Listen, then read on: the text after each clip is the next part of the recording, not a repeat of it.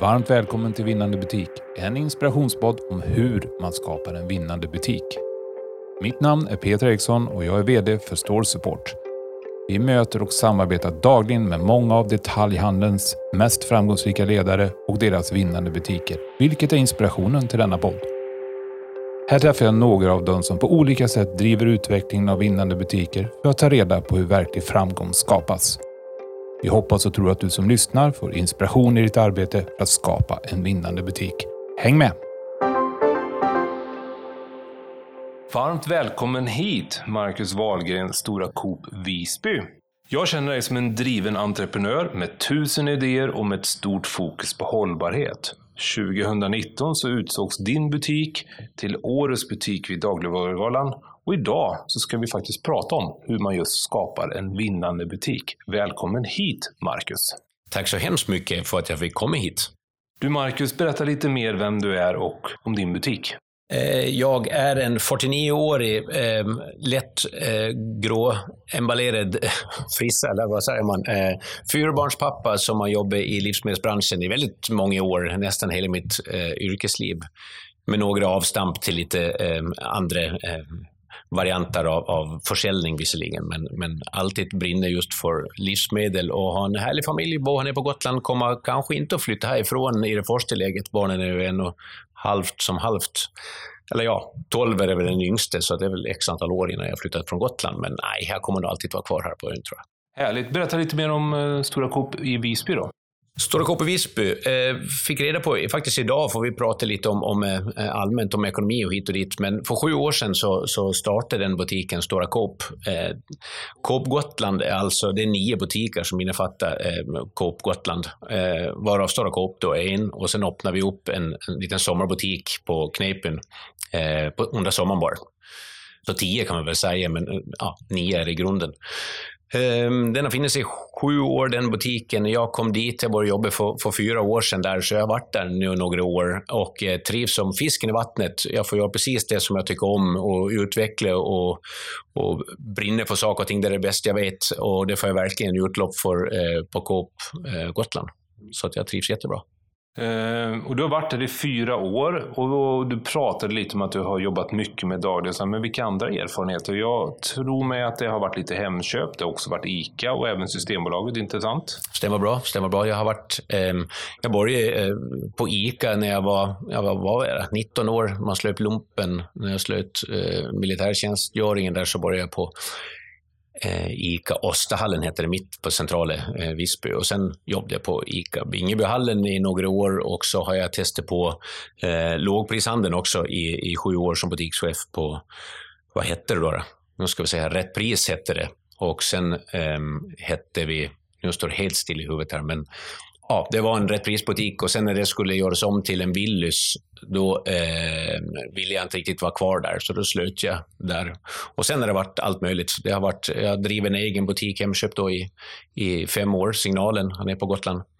Jag har fått mycket arbetslivserfarenhet därigenom. Det har varit fantastiskt roligt. De där åren var ju bland det roligaste jag gjort också, bara för att man fick driva det själv. Och min brorsa var med under de åren också. Och Eh, Spar var det från början, så blev det Hemköp i slutet.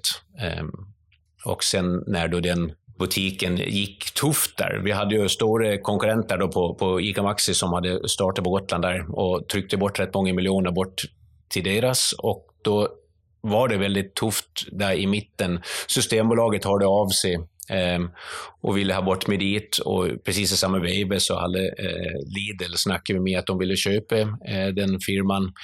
Så ehm, allt som allt, det, det mynde ut i så att jag, eh, den butiken gick i konkurs.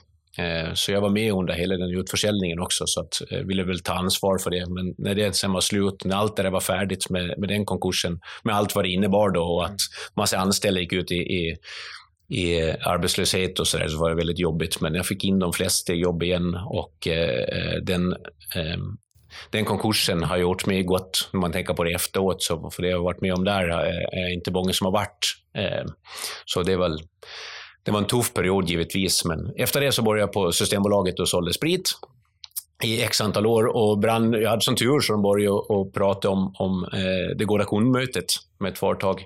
Så jag var med just i den resan när vi skulle vända opinionssiffrorna. Så jag hade en jädra tur som fick vara med där och eh, massa utbildningar och eh, kunskapen om alkohol givetvis, den var ju inte dålig att få, men, men framför allt kunskapen att kunna eh, driva medarbetare åt ett håll, för där var det väldigt mycket varme eh, delar i, i, en anställning som var butikschef på Systembolaget. Man fick jobba otroligt mycket med medarbetare under den perioden där. Och det är ju det som jag eh, tycker är roligast av allt. Så då var det Systembolaget då i några år. Sen slöt jag där och började jobba och sälja snus med min kusin som, som eh, driver, inte fortfarande, nu har han sålt det till Swedish Match, men eh, Gotlandssnus som det heter. Jag såg din dåse låg på bordet här med Norrlandssnus. Du får prova någon Gotlandssnus också. Eh, det kan du testa. Eh, så jobbade jag där. Så, sen när jag slöt där, när jag kände att det här var ingen roligt att sitta på ett kontor eh, och inte prata med kunder. Det är ju kunderna som jag tycker är så otroligt roligt också och många medarbetare. Eh, vi var rätt många där ute också, men då kände jag att, eh, att jag ville gå vidare där och Coop hörde av sig och frågade om jag ville börja jobba där, men jag var så här tveksam. Nej, Coop, jag har ju varit på ICA och varit på Hemköp och jag har varit på massa andra sådär, så att nej, det vet jag inte.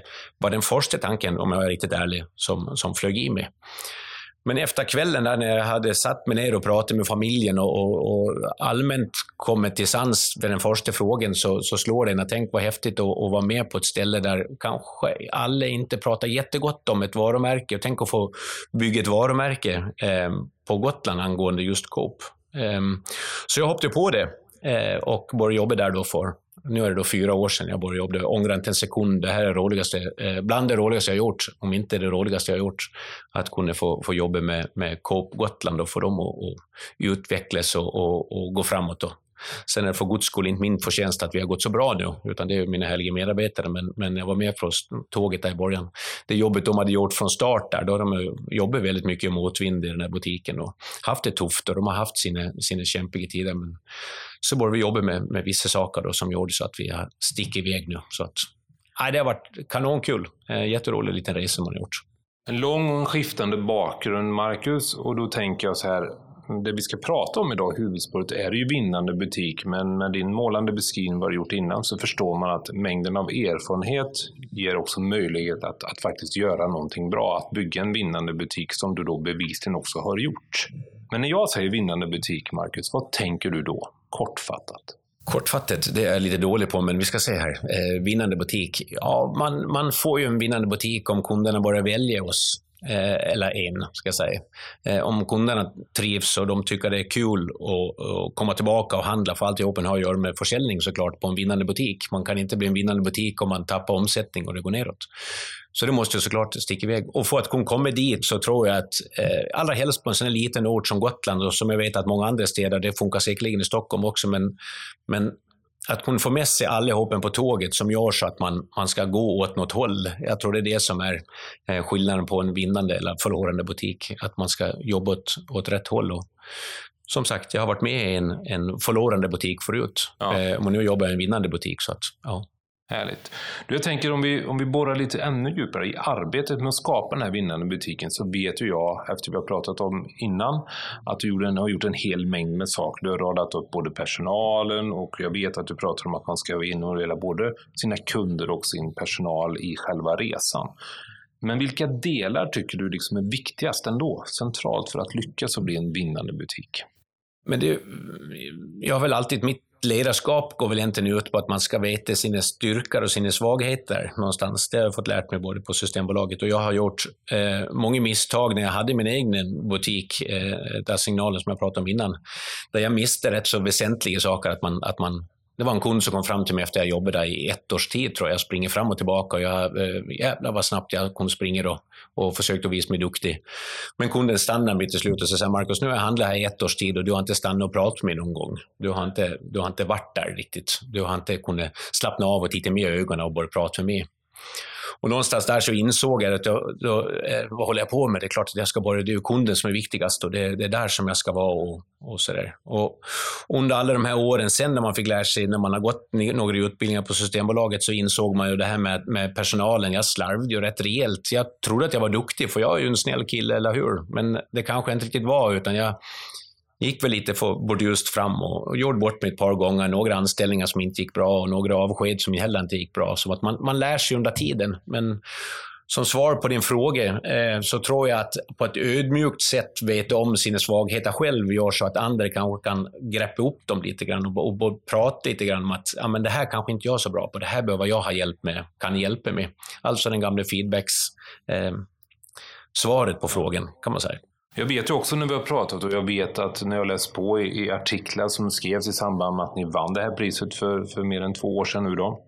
Så vet jag också att du sa så här, men skapa ambassadörer var en sak som var väldigt viktig för att skapa en vinnande butik.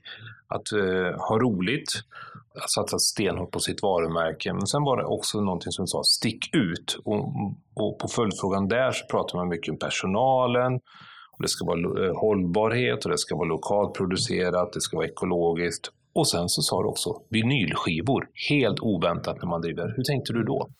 Ja, det kommer faktiskt, den, den fanns där innan, eh, eh, innan jag kom dit. Så, så en, som, en, en kille som heter Martin vid vårt jobb som, som har en liten grupp just nu med personer som bara jobbar med innovation och annorlunda tänk, eh, alltså gör vad ni kan i butiken som inte har med livsmedel att göra. Um, och egentligen så utvecklade vi det ännu mer då, eh, när han med sitt gäng, eh, nej, men då fick de fria tyglar där. De, de, de kan ju musik, jag kan ingen musik. Jag kan dansband och, och några svenska artister och hiphop, typ det som jag lyssnar på. Eh, så det där är inte min gebit alls. Du hittar ingen slager i vår butik, utan det här är väldigt specifikt. Eh, det är smalt som tusan, det är psykedeliskt blandat med lite rock, fast speciell rock och sådär. Så att de jobbade ju stenhårt på det där. De gick ju eh, all in på det där. Och med det föddes ju eh, tanken på hur ska vi utveckla det ännu mer. Eh, hur ska vi kunna komma på nya saker? Eh, ja, men okej, okay, det blir ett varumärke. Eh, det som är då extremt närproducerat som vi bor med alla producenterna på Gotland för vi håller på med, med både hållbarhet och närproducerat också. Då var det det varumärket, så jobbade vi rätt länge med det varumärket. Vi kom på att ja, men, ehm, eh, vi kan ju tillverka egen öl på Gotland så vi sätter vår egen label på som då Martin då har gjort eh, häftiga etiketter på och sådär. Eh, och egentligen gör saker och ting som ingen butik riktigt gör, det är ju det som vi brinner för. Så just i dagsläget nu så har vi ju en, en eh, en vintageavdelning i butiken som snart kommer att bli större. Eh, vi kommer att bygga ut den. Vi, inte att vi samlar in massa gamla kläder från, från kunder, utan vi har varit i kontakt med, med, med ett par stycken gotlänningar som är väldigt duktiga och, och runt överallt och få tag i de coolaste kläderna, vintage då, som är hållbart också. Så det ska vi bygga upp en ny avdelning. Vi har en alkoholfri avdelning, en av Sveriges största, där vi har varit, eh, gått totalt bananas på att köpa in eh, häftiga eh, varor som inte finns i en livsmedelsbutik. Vi har en thai-avdelning, vi har en eh, som sagt ett skivbolag just nu. Vi startade ett skivbolag för ett litet tag sedan och släppt fyra skivor. Eh, ett bokförlag, vi ska släppa lite bockar nu framöver. Vi har jag kan sitta hur länge som helst och rabbla upp massa konstiga saker som inte har med livsmedel att göra. Men det är, det som är lite kul också, för man ska, bli, man ska få en upplevelse när man kommer in i butiken. Du ska få de här. Och, det är lite spännande när man läser, för jag vet också att Martin som jobbar med och som var med från början, där, att du, du kallar ju honom för kreativ chef. Ja, han har en egen roll. Han är alltså kreativ chef. Det är det han jobbar med. Och sen har han då som sagt fyra killar och tjejer som jobbar i hans grupp, där i hans team.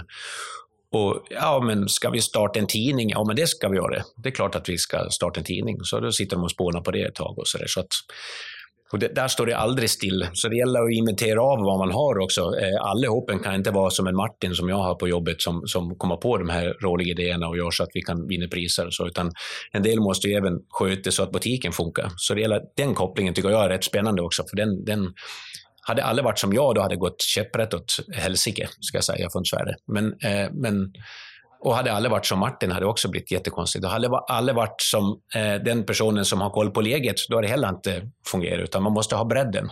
Och det är det som jag eh, blir fascinerad av när man håller på med ledningsgrupper eller individer i sig, att alla personer är så olika. Och det gäller att hitta de bästa sidorna vid varje person och att de verkligen får jobba med det och inte med någonting som du tycker är tråkigt. Och det, den kan man ju rätt snabbt kopplat till en, en anställd som har svårt att, att, vakna på morgonen, eh, inte tycka om det här med väckarklockan eller gå upp tidiga morgnar. Men den personen ska ju inte jobba tidiga morgnar. Då får man ju prata med den personen och så får den personen säga att nej, men jag jobbar hellre kvällar. Perfekt, det kan du få göra för här får du ditt schema. Mm. Inte att man styr schemat helt och hållet till individ, som blir individanpassat ner på minsta detalj, men på en stor del tycker jag. Det finns en del som älskar att gå upp klockan fem på morgonen. Perfekt, kan du jobba som jour på morgonen och öppna upp butiken och släcka och tända, inte släcka, men tända upp butiken och, och sköta den. Ja, det kan jag göra. Jättekul. Så att inventera av vad man har runt om sig, det är väl nummer ett. Och sen där man inte har, då gäller det att anställa upp sådana personer som kan driva vidare. Men när jag lyssnar på dig, Marcus, så blir det ju väldigt uppenbart också att, att lyckas och skapa en vinnande butik, för det handlar väldigt mycket om att skapa ett engagemang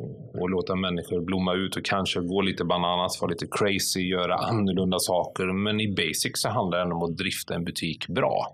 Och det lyckas ni också bra. Och sen har ni ju en hållbarhetstouch på det hela också, som också varit väldigt drivande för er utveckling. Intressant. Ja, nej, det är helt rätt. Och eh, början av din fråga där, eh, vad det gäller att kunna få, få stabiliteten, alltihopa måste sitta. Det måste sitta, kvalitet och säkerhet-delen måste sitta i en butik. Alla rutiner, alla allt mellan himmel och jord som man behöver göra i en butik, som alla vet som jobbar i butik, att behöver göras, måste man ju göra. Men sen gäller det att hitta det här då som sticker ut, eller det här som rör sig i sidan. Eh, någonting som vi sa rätt tidigt var just det där med hållbarhet. Eh, än en gång då, ärligt talat, så står jag och kastar batterier i mina egna såpor hemma. Så hållbar var jag för fem år sedan. Mm inte det minsta hållbar med andra ord. Ehm, men när jag kom dit och började inse att men, är någonting konkurrenterna inte är så bra på så är det just hållbarhet och det sitter redan i vårt DNA på, på, inom, inom Coop. Ehm, så jag hade ju stottningen där från centralt håll eh, att kunna jobba med hållbarhet. Men än en gång då, att, att inte se i den här lilla lådan utan sticka ut så mycket som möjligt och hitta nya lösningar på hållbarhet. Hållbarhet är ju så otroligt stort och så kraftigt. Eh, men eh, om man ser det som väldigt stort och väldigt tungt och ett stort åk som hänger på axlarna och man, man blir nedtryckt, då blir det ju inget roligt. Men bara man ser ett positivt på det och gör det så gott man kan, gör det bästa du vill, brinner för en sak, så lös det bara. Vi tog bort plastpåsen, det tog oss eh, ett dygn till att säga nej, så nej, nu köper vi inte in mer plastpåsar på Gotland angående den bärkassen då i kassan. Då tar vi bort den och tar fram en egen papperskasse som det står vår egen eh, plastkasse på. Lite underfundigt. En 16 liter som är lite mindre som kunderna älskar nu då. Så det gäller ju än en gång där att kunna våga, våga sticka ut, våga göra det här som inte någon annan kanske gör. Eh, och sen har jag ju en fantastisk chef som, som låter mig göra det och han är lika tokig som jag och lika tokig som övriga medarbetare på jobbet och, och verkligen eh, sticka ut då och gör det som vi verkligen känner för. Det är ju det som är nummer ett för vår del. Och något som stack ut lite grann, som till och med var publicerat i tv i vintras, det var mm. ju när ni tog era semlor bland annat mm. och uh, gjorde sprit utav dem. Då kom din gamla systembolagsorder till livs igen, eller hur? Uh, ja, exakt. Uh, jag hade ju ingen aning hur man, att man kunde göra sprit av gammal pasta och havregryn och ris och, och annat sånt som man kastar i soporna. Men det kom in en kille till oss och ville jobba med, med hållbarhet vid sitt företag och jag frågade vad han höll på med och ja, det var ju sprit då. Um, och det brann jag till för lite extra, för att jag tycker det är kul med, med alkohol. Eh, eh, eller ja, man ska inte dricka för mycket, men ja, du förstår. Och så eh, gick vi runt på lagret. Han ville ha lite, lite eh, rotfrukter och potatis och sånt så gammalt som vi var tvungna att kasta. Men vi hade ju inte så mycket sånt. Det vet ju de som jobbar i butik att det blir, ett, ja, det blir inte så mycket.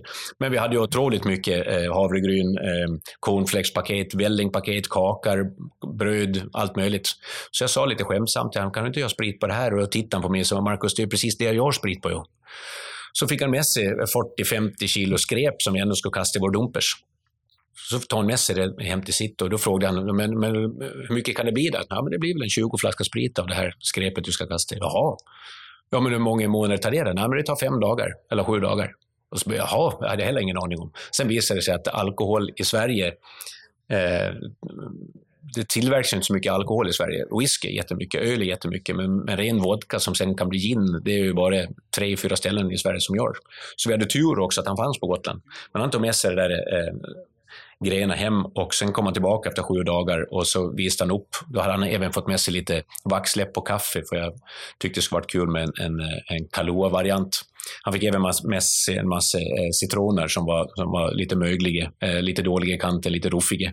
Fick han med sig dem och så gjorde han en, en eh, limoncello i olika styrkor. Då. Och sen kom han in till oss efter sju dagar och vi stod på. Det var bland det godaste jag har ätit, men det var väl förmodligen färget, men det var fantastiskt gott. Men, så det säljer han nu på bolaget. Det finns beställningssortiment som heter Spill Ehm, eh, vi tjänar givetvis inga pengar på det här, utan det är han som driver det där företaget. Men det vi tjänar på det är att han kommer och hämtar vårt skräp som vi annars ska kasta, som vi annars får betala Rangsell rätt mycket pengar på att komma och, och kasta. Så att vi gjorde en vinning i det här i alla fall, eller det gjorde vi givetvis. Och då, nu har vi inte många kilo kvar som vi kastar. Men, mm. Och dessutom så är det ett sätt att utveckla sin butik och utveckla sin verksamhet och, eh, och titta på kostnadssidan och, och minska den istället helt enkelt. Helt klart, för det är ju nummer ett. Man ska inte ha så stora kostnader, sen ska du ha en, en stor försäljning. Det är det som är stora grejen. Det är det som är drivkraften i, i hela eh, bygget, i hela jobbet vi gör. Och kring hållbarhet så vet jag att vi kan prata hur länge som helst. Där har du hur många idéer som helst. Men jag tänker ändå att eh, jag ska fråga om en annan sak. Du, du pratade förut om den här eh, konkursen. Jag antar att det är en av de svåraste utmaningarna. Du sa att du lärde dig väldigt mycket av den då. Jo, ja, det gjorde jag. Det, eh, att, att driva ett, ett företag och vara egen ägare och man ser att eh, pengarna börjar tryta på kontot. Eh, lönen ska betalas ut någonstans ifrån oss den 20 och 22, någonstans när det ska landa vid kunden den 25, eller vid medarbetaren den 25. Eh, om man säger att det inte finns så mycket pengar på kontot, det är ingen skön känsla och jag vet att det finns väldigt många handlare, och, eh, både ICA och, och, även franchise på Coop och, och sådär som, som lever just i det där och det önskar man ingen att kunna eh, gå igenom en konkurs men någonstans måste man ta lärdom och man måste stå ändå stolt och säga att det här gick inget bra, eh, nästa gång så kanske det går bättre. Alltså den känslan, eh, den, är, eh, den är ingen rolig att vara i, men man går jävligt stärkt ur den om man inte har förlorat in helvete mycket pengar och det gjorde jag inte, utan det var en relativt snäll konkurs där. Och sen var det rätt behagligt att man har kört allting vitt och by the book. Så att jag hade ju ingenting att vara nervös över heller. Så att det var behagligt. Och jag tror att du tog med dig, vi pratade ju lite grann här innan också, men just de där människorna som du ändå lyckas till stor del att hjälpa till jobb också. Liksom. Mm. Så att den där det går ändå, det finns en, en, annan sida efter det här. Jo, helt klart. Det var ju eh, väldigt skönt i och med att jag berättade för dem hur det låg till efter jag varit vid, vid tingsrätten och lämnade in det pappret. Så åkte jag tillbaka givetvis och berättade för allihop. Och det var, det var bland det värsta man har gjort. Samtidigt så det är ju så med livet. Det är, ibland är det jävligt jobbigt och ibland är det tufft, men, men ta sig stärkta ur och, och, och kommer starkare ur på andra sidan så, så, så tror jag att man, man... Jag ska inte säga att man behöver en konkurs, det låter så jävla kaxigt när jag säger det, och det behöver man inte alls. Eh, man kan ha ett liv i alla fall, men, men man lär sig otroligt mycket av det i alla fall och får ta lärdom av, av, eh, av allt, allt det jobbiga. Du Marcus, förutom din egen butik och din egen organisation, vilken förebild har du? Vem är det du tittar på? Vilken butiksformat är det du hämtar inspiration ifrån? Eh, jo, det, jag har haft massa chefer i och med att jag jobbar på så många olika, så jag har haft, eh, jag har haft den stenhårde chefen som sa precis så här ska det vara din Drummel, annars då blir det inget bra. Som inte kanske hade alla medarbetare med sig, men som var väldigt hård och, och resolut. Sen har jag haft världens snällaste chef eh, som var Eh, kanske då för snäll, fast eh, ja, i vissa lägen så var det ju otroligt bra. Eh, så förebilder, ja men jag har, jag har rätt många där. Eh, jag har en, en gammal eh, herre som heter Göte Dahlgren, som, eh, eh en gammal ICA-legend, han är på Gotland. Eh, jag har jobbat med, med Thomas Hellberg, jag har jobbat med Thomas Westman. Ehm, jag har rätt många förebilder. Han farfar som har haft en lanthandel, det var ju min idol eh, när jag var liten. Jag ville också bli en handlare, så att det har ligger blodet sedan jag var liten och han stod där och eh, strösocka i tunnar till och med. Så det var bland de sista lanthandlarna som fanns på Gotland. Så det, har jag, det är ju en jättestor förebild. Men, men jag kan inte peka ut någon speciell. Jag kan inte säga att det där ledarskapet var det bästa. Jag har tagit delar av alltihop tror jag. Eh, jag är inte den där supersnälla chefen, jag är inte den där stenhårda chefen. Jag är någon slags mittemellan, men som jag, mitt mantra, säger mantra, det låter också pretentiöst, men som jag tänker rätt ofta att, att okej, okay, man ska inte vara kompis med sina medarbetare, men eh, är det så jävla dumt då? Jag vill gärna vara kompis med alla. Eh, och sen eh, att ta de, de tuffa dialogerna, tuffa samtalen, så det får man ju göra i alla fall. Eh, men, men nej, vara en, en, en, en schysst person, det tror jag att det tjänar man på, för då kommer kunderna in och börjar handla också. Så att, eh, man ska vara en blandning av allt, men ja, man ska må bra också när man går hem. Du Michael, om du nu fick börja om på nytt och säga att du kanske flyttar ändå från Gotland om barnen blir stora och flyger ut så småningom. Mm. Vad skulle, och du ska göra något helt annat, vad skulle du göra då? Då flyttar jag till Mallis och så öppnar jag en, en liten sån här bed and breakfast där nere tror jag. Och, och dricka lite rödtjut i solen. Ja. inte helt fel, men... Eh, nej, jag har, inte, jag har inte tänkt. Jag tänker inte sådär, vad, vad händer i nästa steg? Vad ska jag göra nästa gång? Jag trivs otroligt bra på Coop och jag kommer förmodligen vara kvar där många, många år till. Eh, har man, har man härliga medarbetare runt om sig och en otroligt bra chef som jag har i Kalle, eh, då är det väldigt lätt att man, ja, men då, då, då mår man bra just då. Och grejen med, med sitt liv är att man, det tickar in lite pengar så man kan betala lite för sig och sen har man det jävligt kul på vägen och jag har det jävligt kul just nu. Vad härligt. Mm. Du, om vi avslutar det här samtalet och jag frågar så här, om du skulle vilja skicka med tre råd eller tips till de som lyssnar på det här samtalet, vad skulle det vara? Hur skapar man vinnande butik utifrån dina tre råd och tips? Det tre råd det bästa råd? Eh, ja, eh, jag backar väl in i det här samtalet vi haft innan, men, men det, bästa, det bästa tipset, du, du måste omge dig med, med riktigt duktigt folk. Så det är väl egentligen nummer ett.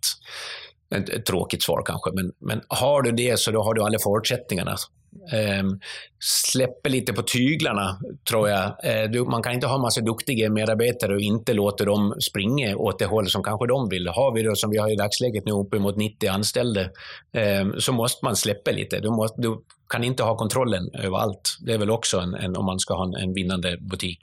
Och sen framför allt sticka ut gör det du brinner för, gör det som du tycker är mest rätt så kommer du, och även om du inte vinner priser och blir eh, årets butik, eh, gör du inte det så blir du en vinnare i alla fall i dina egna ögon sen, för då har du gjort någonting bra för dina medarbetare, för det är det som är nummer ett om man är chef. Jag tycker det var en bra summering på ett fint samtal.